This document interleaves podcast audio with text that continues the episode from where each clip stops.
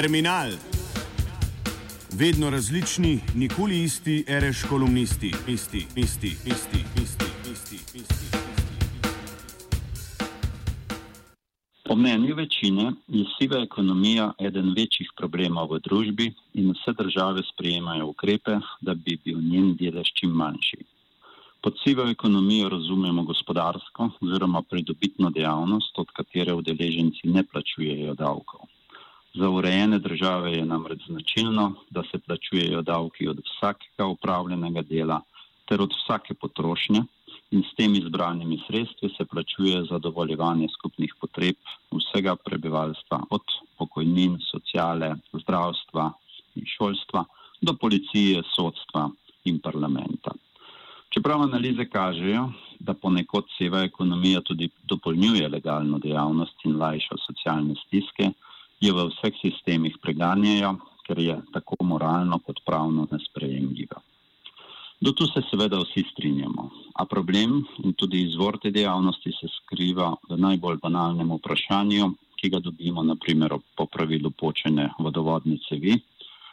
Želite račun ali bi raje plačali brez njega po nižji ceni? Vemo, kakšen je običajen odgovor in na ta način v bistvu podpiramo sivo ekonomijo. Zato v nadaljevanju nekaj pogledov na dejanski vpliv sive ekonomije na gospodarstvo in blaginjo prebivalstva.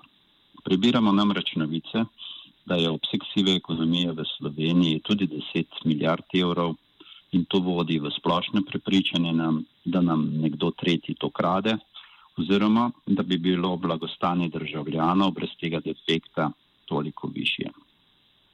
Mednarodne analize kažejo, da obseg sive ekonomije znaša med 60 do tudi preko od 10 do tudi preko 60 odstotkov bruto domačega proizvoda posamezne države. Najmanjši delež imajo države kot ZDA ali Avstrija, najvišji pa najbolj nerazvite države Afrike in Azije. Čeprav pa se ocene različnih inštitucij glede obsega sive ekonomije močno razlikujejo. Teh lestvicah se Slovenija uvršča nekje na koncu prve tretjine. Kaka tretjina držav ima sive ekonomije manj, v dveh tretjinah držav pa je močneje prisotna. Če primerjamo te podatke s stopnjo razvitosti posamezne države, ugotovimo zelo močno povezavo. To preprosto pomeni, da se obseg sive ekonomije najbolj učinkovito zmanjšuje z gospodarsko rastjo ali drugače. Še bolj stroga zakonodaja in pregonje ne boste zmanjšala, če gospodarstvo in standard prebivalstva ne rasteta.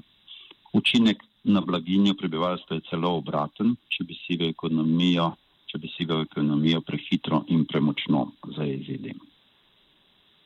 Katere dejavnosti sploh štejemo med sivo ekonomijo?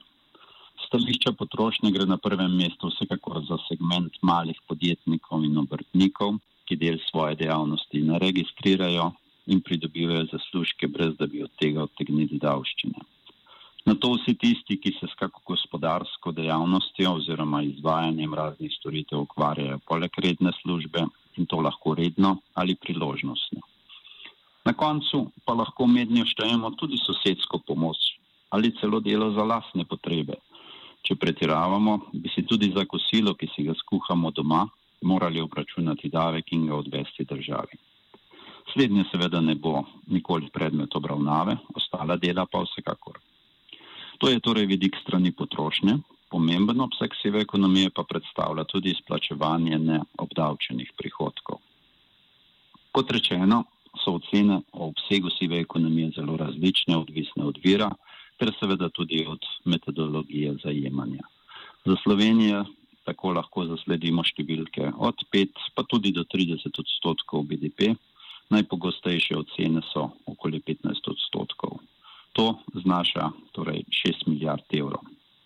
Tolikšen obseg prihodkov in izdatkov naj bi se torej pri nas izognil uradnim evidencam ter seveda tudi plačilu davščin. Potem takem naj bi bil naš dejanski BDP, dejansko ustvarjena bruto dodana vrednost okoli 46 milijard na mesto lanskih uradno izračunanih 40. Sveda bi se tudi po tem višjem znesku med državami uvrščali še vedno na podobnem mestu kot sedaj. Primerljivo razvite države imajo tudi podobno oceno obsega sive ekonomije in zato se vrstni red ne spreminja. Edino razlike med državami bi bile manjše, saj bi se dejanski BDP, torej skupaj s sivo ekonomijo, v revnejših državah statistično povečal bolj kot v razvitejših. V teh številkah pa se pravzaprav skriva ključna zmota v razumevanju učinkov sive ekonomije.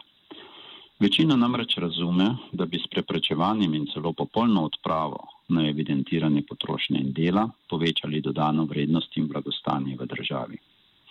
Dejansko pa gre samo za statistično zajemanje že do sedaj opravljenih del ter enako vredno davčno obremenitev tudi tega segmenta delovanja v družbi. Vsekakor je usmeritev v preprečevanje sive ekonomije pravilna, saj s tem zagotavljamo enake pogoje in obravnavo vseh deležnikov na trgu. To je bolj pošteno in tudi bolj pravično. Prav tako bi širša davčna osnova zajemanje celotne potrošnje in dela omogočalo znižanje davčnih stopenj in vsi ponudniki na trgu bi bili v enakopravnem položaju. Vseeno pa to ne pomeni, da bi bilo v družbi za to ustvarjeno več, da bi se zaradi tega povečalo blagostanje prebivalstva. Poglejmo konkretno.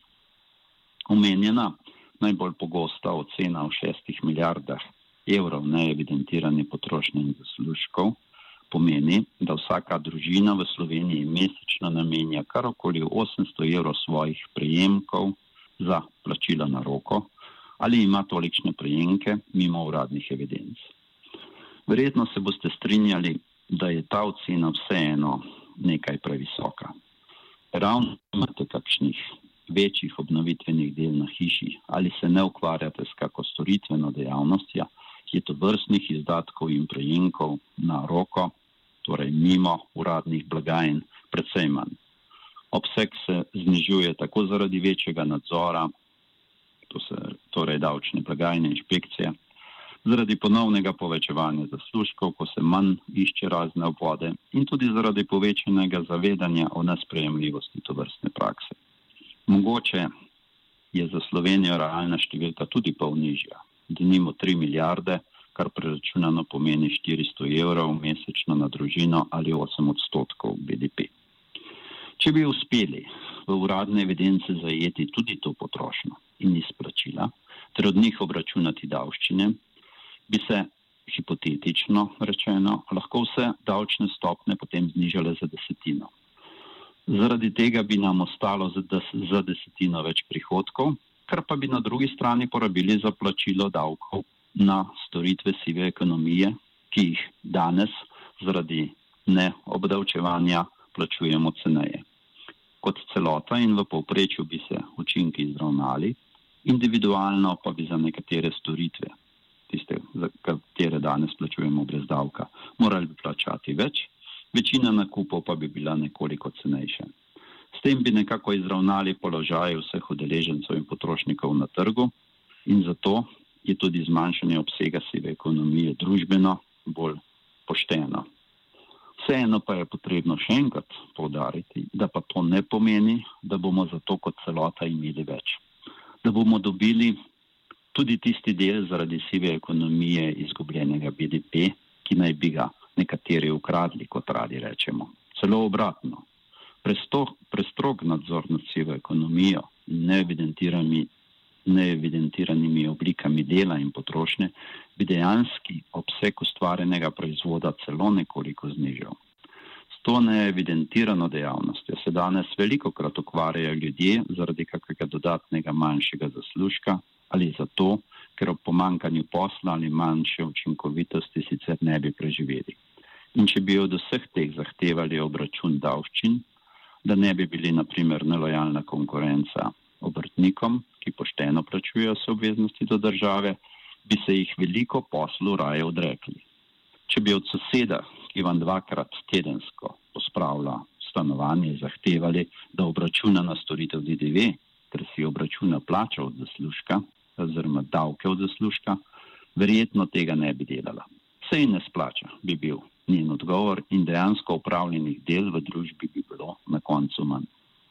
Zato je potrebno povdariti, da prizadevanje za odpravo sive ekonomije pomeni samo bolj pravično razdelitev bremen in enakopraven položaj udeležencev na trgu. Tudi statistični podatek o višini BDP države bi bil višji. Dejansko ustvarjena dodana vrednost pa zaradi tega ne bo nič večja, raje celo nekoliko nižja. Mrsikdo se bo ob večnem večjem nadzoru in zahtevi po plačevanju davščin na vse zaslužke, kakemu dodatnemu poslu raje odrekel. Zaradi tega mora potekati uvajanje vse strošjega nadzora nad nelegalnimi oblikami dela prodaje, nekako v sozvočju z doseženo stopno razvitosti in življenjskim standardom v državi. Izgubljen BDP zaradi sive ekonomije dejansko ni izgubljen, temveč samo neevidentiran za terminal Bine Kordež.